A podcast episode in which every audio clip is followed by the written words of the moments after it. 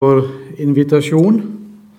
For meg er det ei stor ære og ei stor glede å bli spurt om å være med som taler i FBB Østfold enda en gang. Og Sist gang var i mai 2019. I kveld er temaet 'Hvorfor vedkjenningsskrifter', eller 'Hvorfor bekjennelsesskrifter'. Jeg kommer nok til å bruke bokmålsorda bekjennelse og bekjennelsesskrifter mest. Det er naturlig for meg faktisk som nynorskmann å gjøre det. Så har det fått en eh, tosiders disposisjon, både for det som jeg skal si, og det jeg ikke skal si. Den disposisjonen er beregna for fire timer. Og pga. at pandemien kom, så skulle jeg ha vært iallfall to ganger tidligere, men så er det blitt utsatt. Så manuskriptet har bare vokst i, i mellomtida. Men eh, det kan jo være greit, også med tanke på samtalen, at det er en del ting som jeg ikke kommer inn på. Så eh, er det egentlig meninga at det skulle være gult, men på det arket dere er gulfargen litt mørkere, fordi at jeg hadde bare svart-hvitt skriver. Og så har jeg også måttet forandre etter at jeg trykte ut den, så det er ikke alle punkter, de mørke punktene her. Det er ikke alle de jeg kommer innom, og så har noen jeg har kutta ut og sett inn nye. Men det merker du underveis. Stort sett er det det som jeg kommer til å komme innom.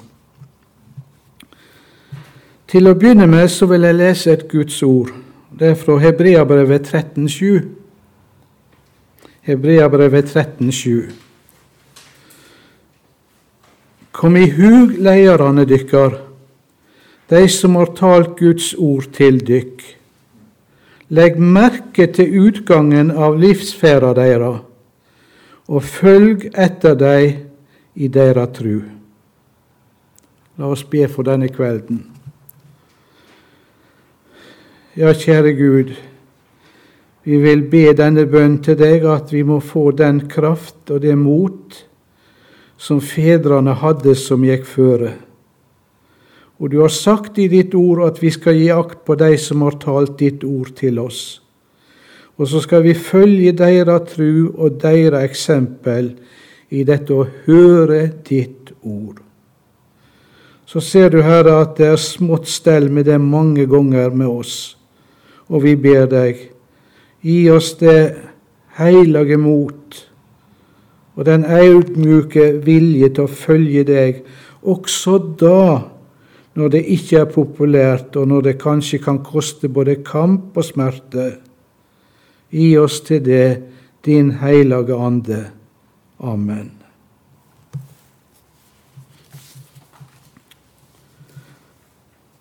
Da kommer jeg hele tida til å vise til hva vi er på orket, disposisjonen. Hvorfor bekjennelsesskrifter? Det er et godt og viktig spørsmål, og vi kan gjerne overveie det alle sammen. Men aller først bekjennelsesskriftene. Hva er så det for noen skrifter, da? Punkt 1. Ja, det er for, de første, det er for det første de tre oldkirkelige.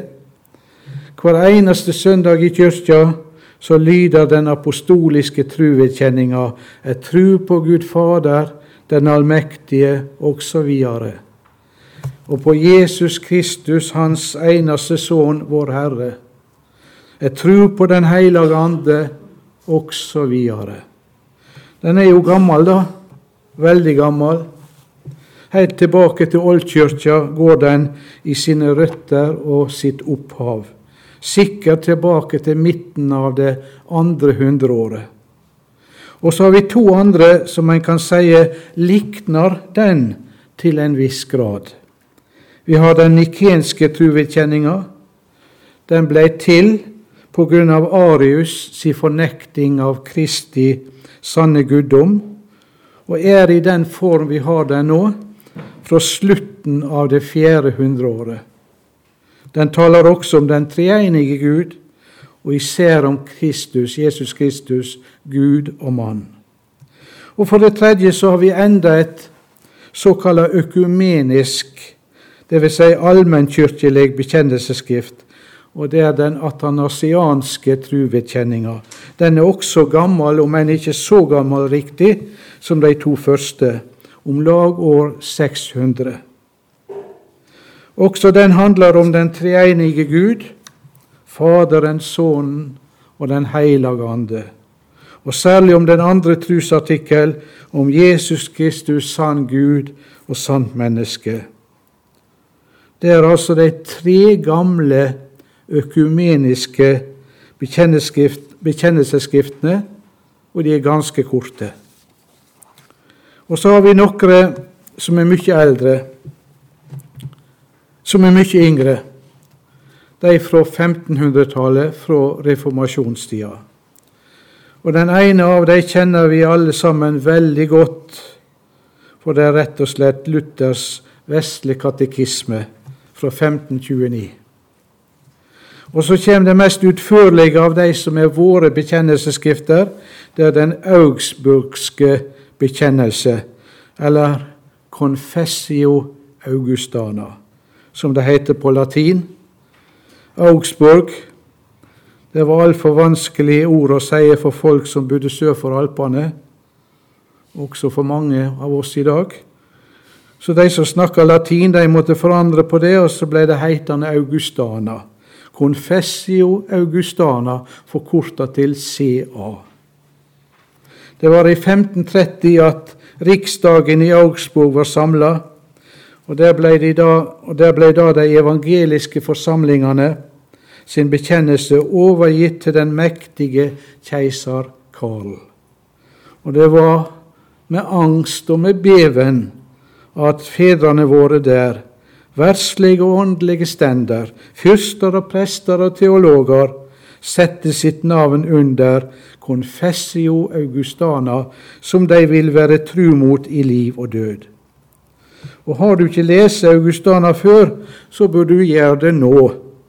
Det er ikke det spor vidløftig, men det er svært klargjørende. Flere bekjennelsesskrifter har f.eks. Vår norske kirke ikke. Men det er noen lutherske kirkesamfunn som har noen til. Melanchthon han skrev et forsvarsskrift, 'Apologi for Augustana'. Den er litt lengre og mer vidløftig. Og så har vi jo den store katekisma til Luther. Og så har vi noe som heter eh, de smalkaldiske artiklene som Luther har skrevet. Og det er, om jeg kan si så å si, de saftigste av de alle sammen. Luther var ikke riktig fornøyd med Augustana. Blant annet så burde det ha vært sagt rett ut at paven er antikrist. Det savner han. Men vi fikk et annet skrift som heter 'Traktaten om pavens makt og overhøyhet', forfattet av Melanchthon. Og så har vi fra 1577 et ganske utførlig skrift som heter Konkordieformelen. Den består av tolv artikler, eller kapittel, vil vi kanskje si. Og Det er noe som bør leses av alle forkynnere og alle som kjenner ansvar for sann og sunn forkynning. Her finner vi det syn som har stått som det ekte lutherske inntil denne dag. Vel, dette er de ti bekjennelsesskriftene, de fem vi har, og de fem som vi i Norge og Danmark ikke har. Vi klarer vel oss godt med de som vi har, hvis vi bare ville lese dem og lære dem og holde dem. Konkordieboka, som kom i 1580, inneholder alle de lutherske bekjennelsesskriftene. Om vi nå spør hva er bekjennelsesskriftene for noe? Punkt 2.1. Rent prinsipielt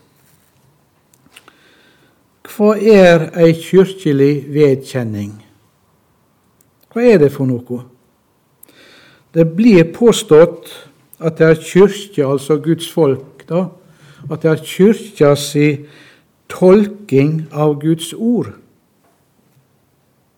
Men det er ikke helt korrekt når en karakteriserer våre bekjennelsesskrifter som ei bestemt tolking eller ei bestemt oppfatning av Guds ord. Nei, helt korrekt så bør en si de er kyrkja sin bekjennelse til Skrifta. Og det er ikke helt det samme. Ei anna sak er at en bekjennelse nødvendigvis også må komme til å inneholde ei tolking. Men tolkinga er ikke det primære. Det primære er å bekjenne seg til det som Guds ord sier og lærer. Tolkinga er det sekundære. Og Den situasjonen som oppsto både i oldkirka og på reformasjonstida, gjorde det nødvendig å påberope seg Guds ord Å besinne seg på Guds ord og spørre hva sier Skrifta? Hva står det skrevet? Og i denne åndskampen har Kyrkja sammenfatta Skrifta si lære på sentrale og på omstridte punkt i sin bekjennelse. Og slik er bekjennelsesskriftene blitt til som en bekjennelse til Guds ord, og slik er det meninga at de skal, at de skal oppfattes og brukes. De lutherske bekjennelsesskriftene regner det som selvsagt at en kristen anerkjenner Skrifta som Guds inspirerte ord. Gud er Skrifta sin forfatter. I Skrifta er det Gud som taler. De menneskelige forfatterne er redskaper for Skrifta sin egentlige forfatter, Gud sjøl. De er Jesu Kristi munn. De er Den hellige ande sin munn. Guddommelige forfatterskap. Derfor har Skrifta også guddommelig autoritet. Og dette er i veldig, veldig korte trekk bekjennelsen sitt syn på Bibelen. Bekjennelsesskriftene peker tilbake til peker tilbake til Bibelen. Og skal vi derfor få det rette syn på bekjennelsen, må vi komme i det rette forhold til Skrifta. Hva vil det si å bekjenne? Den greske grunnteksten sitt ord for å bekjenne homologeo betyr jo, som sikkert alle her veit, å si det samme som. Når jeg altså bekjenner, så sier jeg det samme som Gud har sagt i forveien, i sitt ord. Ordet blir brukt på to måter i Skrifta. Det blir brukt om å bekjenne synd, og det blir brukt om å bekjenne Jesu navn. Og Disse to måtene som Bibelen bruker ordet å bekjenne på, det svarer nøye til at Skrifta taler, at Skrifta også taler på to grunnleggende måter, i lov og i evangelium. Og svarene til lova, når jeg bekjenner mine synder, da sier jeg det samme som Gud har sagt om meg i sitt ord. Det å bekjenne synd, det er altså å gi Gud rett når Han taler til meg i si hellige lov. Og for det andre er altså bekjennelsen knytt til evangeliet, sanningen om hvem Jesus er og hva Han har gjort til vår frelse. Vi bekjenner vår synd, og vi bekjenner trua. Og dette innebærer at det å bekjenne på en grunnleggende måte dermed også er knytt til det å høre Guds ord.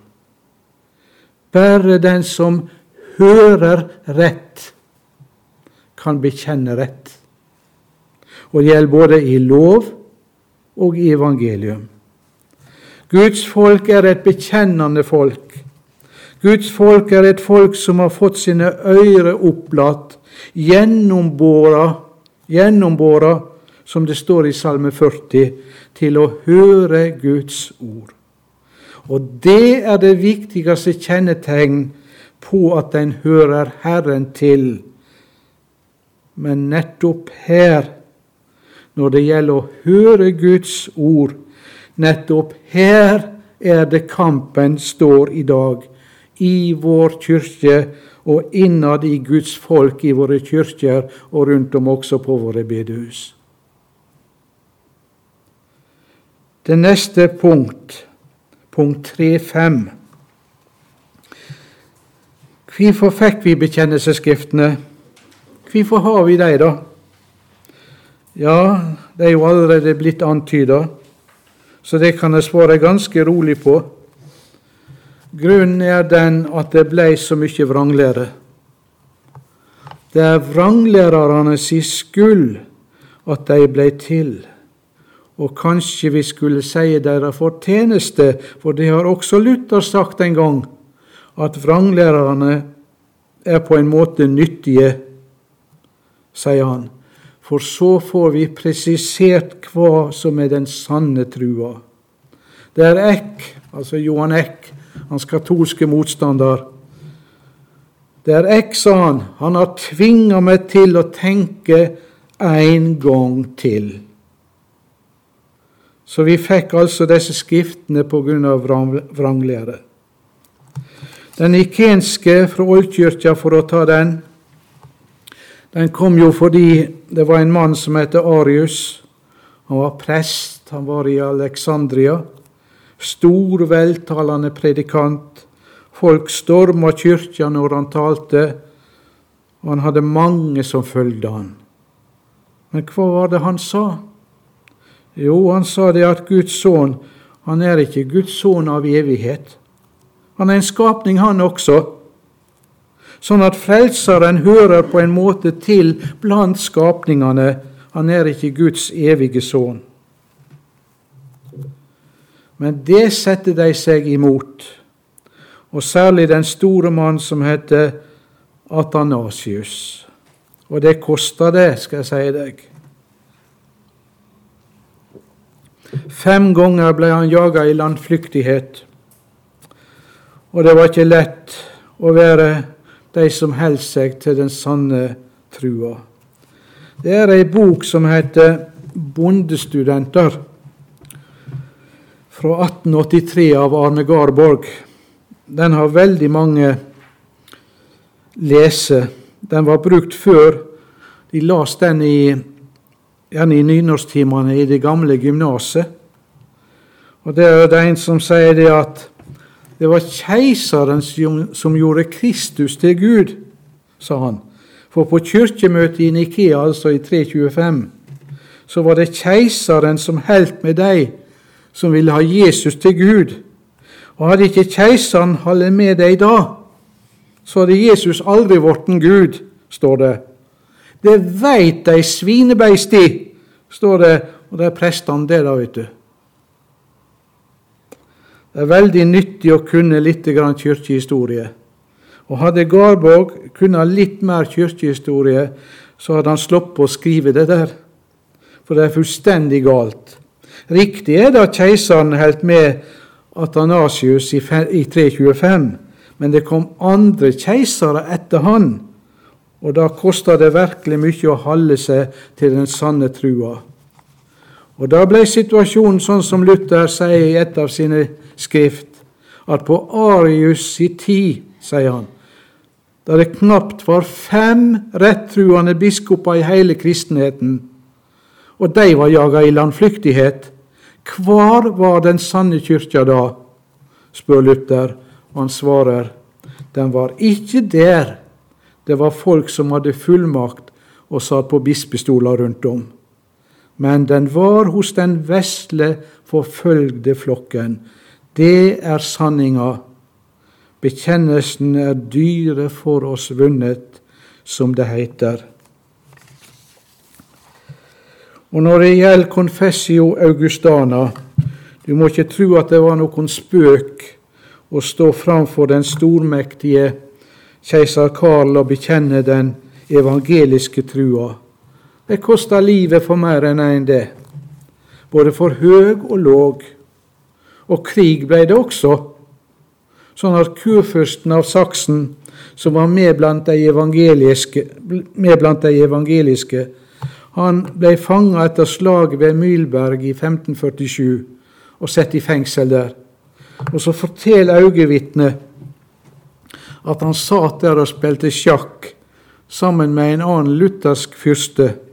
Og så kom det et bud inn og las opp en dom som keiseren hadde felt, at han skulle miste hovedet. Det tok han ganske rolig. Jeg får vel lov til å snakke med kona mi først, sa han. Det er deg til å trekke, sa han til Georg av Saksen. Vel, det må ingen tro at dette her var akademiske spissfindigheter, diskusjon om uvesentlige detaljer, og at det ikke har kosta noe. Det kosta mange mennesker livet deres å bekjenne denne trua, og vi fikk den fordi det var vranglære. Og den vranglære de måtte vitne om på reformasjonstida, det var jo den katolske vranglære. Det måtte presiseres at vi tror på Kristus alene som vår frelser.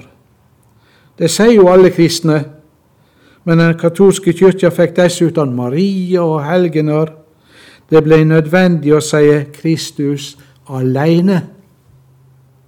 Og alle som kaller seg kristne, om de er katolikker eller hva de er, så sier de at tro er nødvendig. Men det kom så mange gode gjerninger inn som også spilte ei rolle, så ble det nødvendig å si trua aleine. Og likeså sier alle kristne, også i de katolske kirkene, at Bibelen er vår autoritet. Men det var blitt så mange andre autoriteter også. Det var kyrkja sin samla tradisjon og paver og kirkemøte og store teologer som også var autoritet, og som ble anført. Det ble nødvendig å si Skrifta aleine skal stille opp trossetninger, og ellers ingen, ikke engang en engel, som Luther har uttalt det. Og Derfor fikk vi disse bekjennelsesskriftene fordi den sanne bibelske trua måtte bekjennes mot de som forvanska den.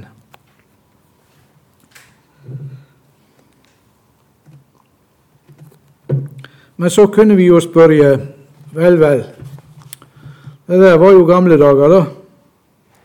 Hvorfor beholder vi dem da i dag? Punkt fem. Nå måtte vi vel klare oss uten. Nei, du, det er situasjonen det er i kristenheten, at det også i dag er mange røster som reiser seg mot sanninga i Guds ord. Vi er dessverre ikke uten vrang lærdom i dag heller. Og vi trenger de gamle bekjennelsesskriftene til å vise oss veien som vi skal gå de kan vise oss inn dit der sanninga finst. Skrifta aleine, Guds eget velsigna ord. Det første jeg vil nevne, 5.2, det er mer generelt, men det legger stor, stor vekt på. Bekjennelsesskriftene er ei hjelp til å fatte det sanne innholdet i Guds ord og ta vare på Bibelens lære.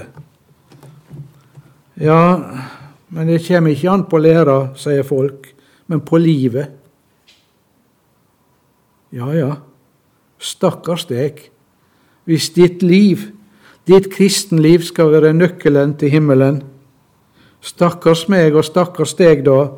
Nei, vi får holde, holde oss til den lære vi finner i Bibelen den sunne lære, Titus 1,9. Og det er nettopp målet for og formålet med våre bekjennelsesskrifter, å hjelpe oss til det, eller om vi låner et lite uttrykk fra innledninga til Augustana, og blir ført tilbake til den ene enkle sanninga. Punkt 5.2.1. Hva er meint med ordet lære? Enten vi tenker på verbet eller substantivet lære. Om Jesus står det stadig at han lærte. Og i Markus 8,31 har vi et lærerikt ord. Der står det at Jesus begynte å lære disiplene sine at menneskesonen skulle lide mye og bli vraket av de eldste, øversteprestene og de skriftlærde, at han skulle bli slått i hjel, og at han skulle stå opp igjen etter tre dager. Jesus lærte dem det. Og hva betyr så egentlig det? Han lærte dem det. Jo, det betyr helt enkelt at han tolker Skriftene slik. Å lære i Det nye testamentet, det betyr å tolke Skrifta. Og den som tolker Skrifta, han lærer. Og å lære, det betyr å tolke Skrifta. Og videre å lære er å bruke myndighet. Tale med myndighet. Da lærer jeg. Men da blir det jo spørsmål om den rette myndighet som en lærer med, om hva for en autoritet en har når en taler slik. Hva har jeg da å bygge på? Og svaret er vel gitt for oss som er her. Det kan vi kun si med handa på Bibelen. Det må være den som er vår autoritet. Så sier Herren, det må være Skrifta jeg står på. Bibelen bruker, som jeg nevnte, dette uttrykket 'den sunne lære' i Titus 1,9. Og Når vi taler om den sunne lære, så betyr altså det kort og godt den sunne og sanne tolking av Bibelen. Og den sunne lære det må da ha som sitt motstykke ei lære som ikke er sunn. Og det betyr kort og godt ei tolking av Bibelen som er gal, feilaktig og ikke sunn. Og Nå kan vi jo ta et bilde her og sammenligne læra med mat, sunn kost. Alle veit hvor viktig det er. Det trenger jeg ikke bruke flere ord på. Når Guds ord bruker uttrykket 'den sunne lære', så er tanken den at læra skal være slik at det blir et sunt kristenliv, rett og slett at den bibeltolking som vi hører, les, tar imot, skal være slik at det blir bygd opp et sunt og sant kristenliv i oss, og vi blir i stand til å leve ut et sant og sunt kristenliv i vår daglige ferd, til ære for Gud og for vår Herre Jesu navn, og til gagn for mennesket. Så dette med den sunne lære, det er en viktig sak. Den rette skrifttolking, det er den rette lære, når alt kommer til alt. Å lære er å tale med myndighet og ha Skrifta som autoritet. Og da kan det jo bli strid om hvordan Skrifta er å forstå. Nå har vi et uttrykk i apostelgjerningene kapittel 15 og vers 1, der det står Det kom nokre ned fra Judea og lærte brødrene, altså disiplene, de kristne, lærte brødrene såleis dersom de ikke vert omskårne etter den skikken vi har fra Moses, kan de ikke verta frelste. Det var altså ei skriftforståing som det var tale om. Det var deres lære. De lærte og at de må bli omskårne etter Moses skikk, ellers blir de ikke salige. Og Derfor, på den måten, oppstår det forskjellig slags lære, fordi det oppstår forskjellig forståing av hva nå Skrifta sier. Og da er det faktisk ikke noe annen mulighet vi mennesker har, enn å komme sammen, som Luther sier, og lese Skrifta en gang til og se hva det faktisk står. Det fins ikke noen menneskelig autoritet som kan avgjøre den saka for oss, enten vi nå kaller det kirkemøte eller lærenemnd eller pave. Det er ikke noe annet sanning enn Skrifta, så får vi komme sammen og sjå hva som står. Og læra den er klar, fordi Skrifta er klar 522. Det gjennomsyrer de lutherske bekjennelsesskriftene. Det fins mangfoldige eksempel på det. Og Skrifta taler med ei røst, og derfor må vi kjenne denne læra og lære bestemt og klart, og så sier Så sier Herren. Ja, det var jo det som Erasmus av Rotterdam ikke kunne fordra med Luther. Han var så sikker. Disse påstandene som du kommer med, Martinus, det er de jeg ikke orker. Til det svarer Luther. Ta disse bestemte påstandene bort, og du har tatt bort hele kristendommen. Vi skal vite og bestemt og tydelig kunne sie hva som er sant, fordi vi har Skrifta for oss. Læra er ikke mi, men Hans som har sendt meg, sa Jesus om sin himmelske Far. Vi får lov til å si det samme. Vår lære er ikke vår, men Hans, og vi har den i Den heilage Skrifta.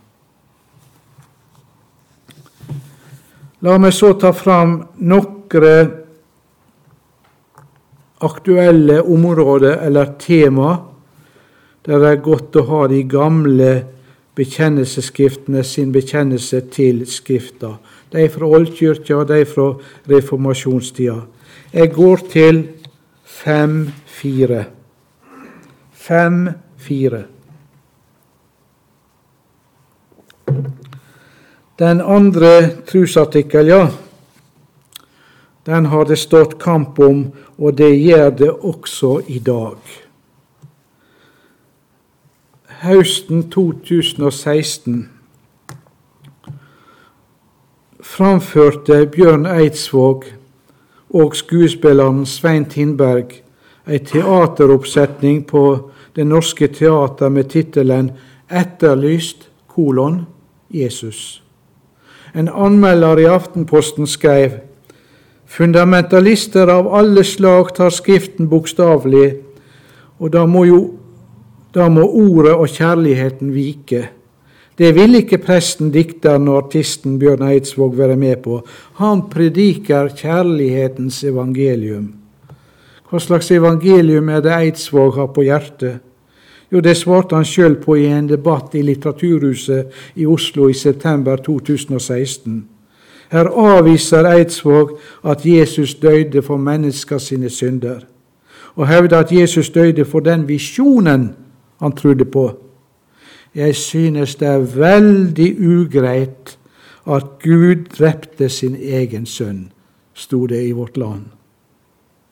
Læra om forsoninga er et av de mest omdiskuterte og kritiserte dogmer, altså kristen trossetning, i vår tid. I løpet av de siste åra har læra om forsoninga blitt et av de virkelig store temaene i den internasjonale teologiske debatt. Men vi trenger ikke å dra utenlands for å møte sterk kritikk av forsoninga. Jeg står her med Sambandet, bladet til Indremisjonsforbundet, det er nummer 11 fra 2016, og temaet i dette nummeret var forsoninga. Og det ene Den ene overskrifta er 'Troens kjerne under angrep'. Og Det er et fire siders intervju med Arne Helge Teigen fra Fjellhaug i Oslo. Og det er i anledning boka hans som kom ut i 2016, 'Kors og frelse', med undertittel 'Oppgjør med postmodernistisk kritikk av forsoningslæren'. Ei lita bok på 100 sider. Men det er også et annet intervju med overskrifta 'Avviser soningstanken'. Det er fortsatt mange som mener at tanken om en stedfortredende strafflidelse er den beste måten å forstå betydningen av Jesu død på korset på. Men min opplevelse er at det er stadig flere teologer som går bort fra en slik tenkemåte, står det i ingressen. Orda kommer fra Asle Eikrem. I 2016 var han førsteamanuensis i systematisk teologi ved Menighetsfakultetet i Oslo. I dag har han professortittel. Han er glad i Bibelen, sier han. Den er en viktig, interessant og spennende bok som jeg har brukt størsteparten av mitt voksne liv på å studere mange timer om dagen. Men i et vitenskapelig arbeid med bibeltekster skal tekstene kritisk etterprøves. Et bibelsitat er ikke et teologisk argument, men danner utgangspunkt for en diskusjon som må ta all menneskelig erfaring med i betraktning, sier han. Videre, men påstanden om at Gud straffer Jesus for våre synder, mener jeg er dypt problematisk. Gudsbildet en slik påstand forutsetter, er vanskelig å forsvare. Og under ei av avsnittsoverskriftene avviser vold, sier han. Dette innebærer at jeg ikke tilskriver mordet på Jesus noen frelsende betydning. I det øyeblikket man gjør det, tilskriver man voldshandlinger en form for guddommelig nødvendighet, noe jeg mener er i dypt konflikt med, Gud, med hvem Gud er. Guds vilje kommer derfor ikke til uttrykk i korsfestelsen av Jesus, men i Guds reaksjon på denne hendelsen der han reiser opp voldsofferet. Så langt intervjuet med Asle Eikrem i Sambandet. Og han kommer med enda flere oppsiktsvekkende påstander om Jesus og hans verk for oss, men som jeg ikke verken vil eller kan sitere nå. Det er mye som er problematisk her, men tenk bare på bare den ene ting hva nye prester få med seg i bagasjen ut til våre forsamlinger rundt om. Og Går en lenger ut i verden, finner vi teologer, ofte feministteologer, som kan si og skrive at læra om Jesus stedfortredende soningsdød legitimerer ikke bare voldelig justis, men også overgrep overfor barn og kvinner. Ja, læra om Jesu død for våre synder blir karakterisert som cosmic child abuse. Kosmisk barnemishandling. Kosmi, kosmisk, det som gjelder kosmos, hele verdensrommet. Vi trenger ikke bruke flere ord på dette. Dette taler for seg sjøl, dessverre. Det er godt at vi kan vise til bekjennelsen noen få eksempel. Apostolikum. Jeg tror på Jesus Kristus, pint under Pontius Pilatus, var krossfest, døde og var gravlagd, osv. Og, og Luthers vesle katekisme og den andre trosartikkelen om Jesus og hans verk for oss, og ikke minst Luthers forklaring. Hva er det? spør han. Svar. Og så kommer det så klart og greit. Og vi kunne nevne Augustana artikkel 3 om Jesus Kristus person og gjerning, for at han skulle forlike oss, eller forlike Faderen med oss og være et offer, osv. Vi trenger sannelig den gamle bekjennelsen til stadig å føre oss tilbake til Skrifta sitt vitnesbyrd om Han. For dette er Guds kjærleik, sier Bibelen, at Gud har sendt sin Sønn til soning for våre synder. Den som taler om Guds kjærleik uten å tale om forsoninga, hva det koster Gud, han taler ikke rett om Guds kjærleik. Og der står de gamle der står de gamle skriftene og minner oss så tydelig om det. Det neste punkt, 5.5. I dag blir det som Guds ord har å si om våre liv, angrepet. Og eksempel på det finner du nok sjøl. I dag blir Guds lov angrepet når Gud taler og sier du skal og du skal ikke, så står den ene kirkemann og teolog etter den andre opp og sier nei, dette her kan vi ikke ta bokstavelig. Tida er annerledes, og vi forstår så mye bedre i dag. Guds lov står under angrep. Men hva er det som skjer når Guds lov og Guds bud på denne måten blir angrepne? Ofte fornekta så de ti bud i liten grad lyder fra talerstoler, talerstoler og preikestoler. Det som skjer, er jo at mennesket blir hindra i å bli frelst. Fordi det er ikke noe annet som kan verke erkjenning av synd enn Guds bud. Hvis Guds lov ikke får lov å lyde, da får mennesker leve i fred i sin synd. Men lova si oppgave fra Gud er nettopp å rive i stykker og rive ned alt det vi mennesker måtte ha til selvforsvar i møte med Gud og Hans ord. Rive det ned slik at det står overfor den allmektige Gud med lukka munn og med bøgd hoved, og har bare ei bønn. Gud vær meg synder nådig.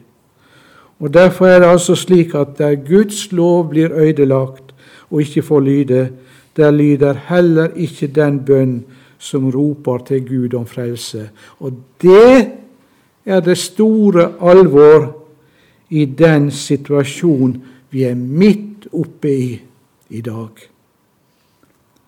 I et tidligere punkt, 5.2.3, så sier jeg at læra er udelelig. Læra er i rette forstand det middel som Gud bruker for å komme til oss i sin dom og i sin nåde.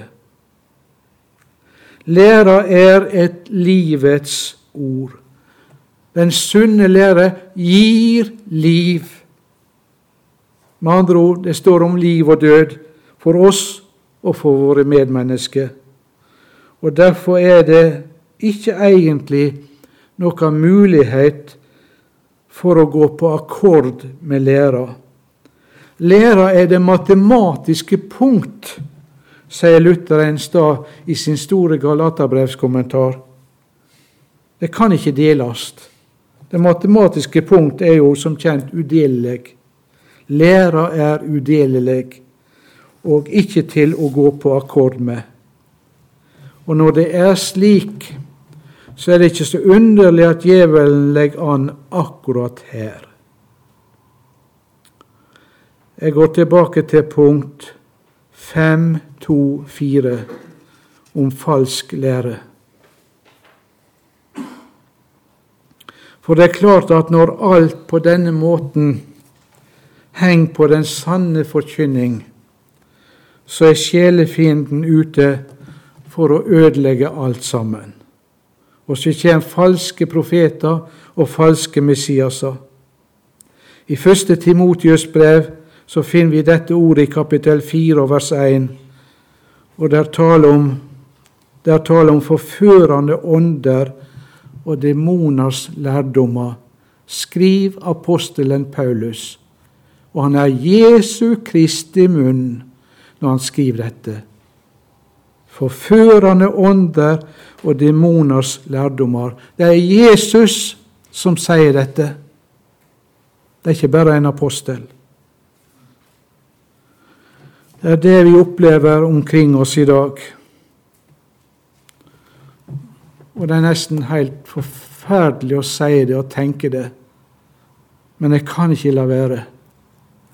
Når prester og biskoper og lærde teologer ikke veit hva som er hva lenger. når Kirkemøtet kan innføre ubibelske ordninger i kyrkja, når det gjelder ting som Bibelen taler så klart om, eller når, eller når de kanskje endog sier det motsatte av det som Bibelen sier i viktige saker. Hva er det for noe? Det er forførende ånder og demoners lærdommer. Det er det det er. Så alvorlig er det. Og, derfor, og Det er derfor ikke bare altså et spørsmål som nærmest er av intellektuell interesse, eller et vanskelig spørsmål som vi får drøfte når vi får tid til det. Men det står om liv og død. Og de ting som vi bekjenner i vår hellige tru, om det er sant, og at det blir forkynt rett. Det står om liv og død, og det veit mørkets fyrste.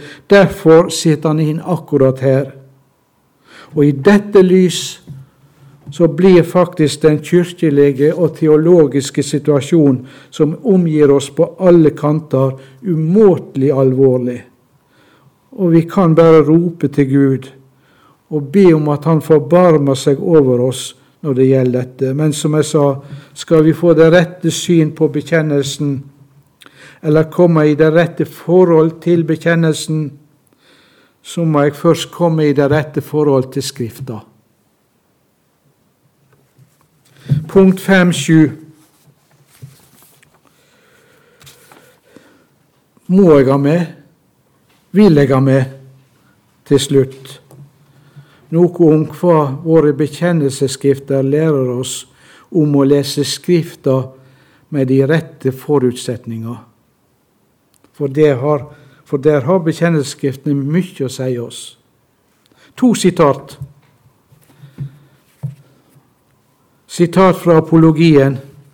Artikkelen om rettferdiggjørelsen tjener særlig til en klar, rett forståelse av hele Den hellige Skrift og viser alene veien til den uutsigelige skatt og rette kunnskap om Kristus, og åpner alene døren til hele Bibelen. Sitat fra Konkordieformelen.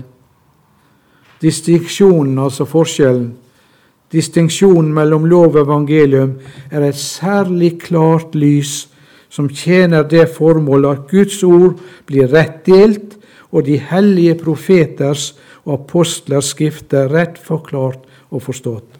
Altså lære om rettferdiggjøringa av nåde og forskjellen mellom lov og evangelium er forutsetninga for den rette tolking av Skrifta. Og la oss, la oss et lite øyeblikk nå til slutt stanse for denne forskjellen mellom lov og evangelium. Dette er altså en forutsetning for å forklare og forstå Skrifta. Og det er på to måter.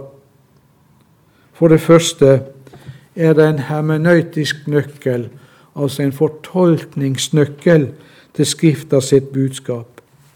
Lov og evangelium er et lys, et lys til å forstå Skrifta, og dette lys kjem fra Skrifta sjøl. Om det skulle være henta utenifra, og altså ikke kommer fra Skrifta, har det ingen verdi. Men nettopp denne distinksjonen mellom lov og evangelium kommer fra Skrifta og er et særlig klart lys til å forstå den.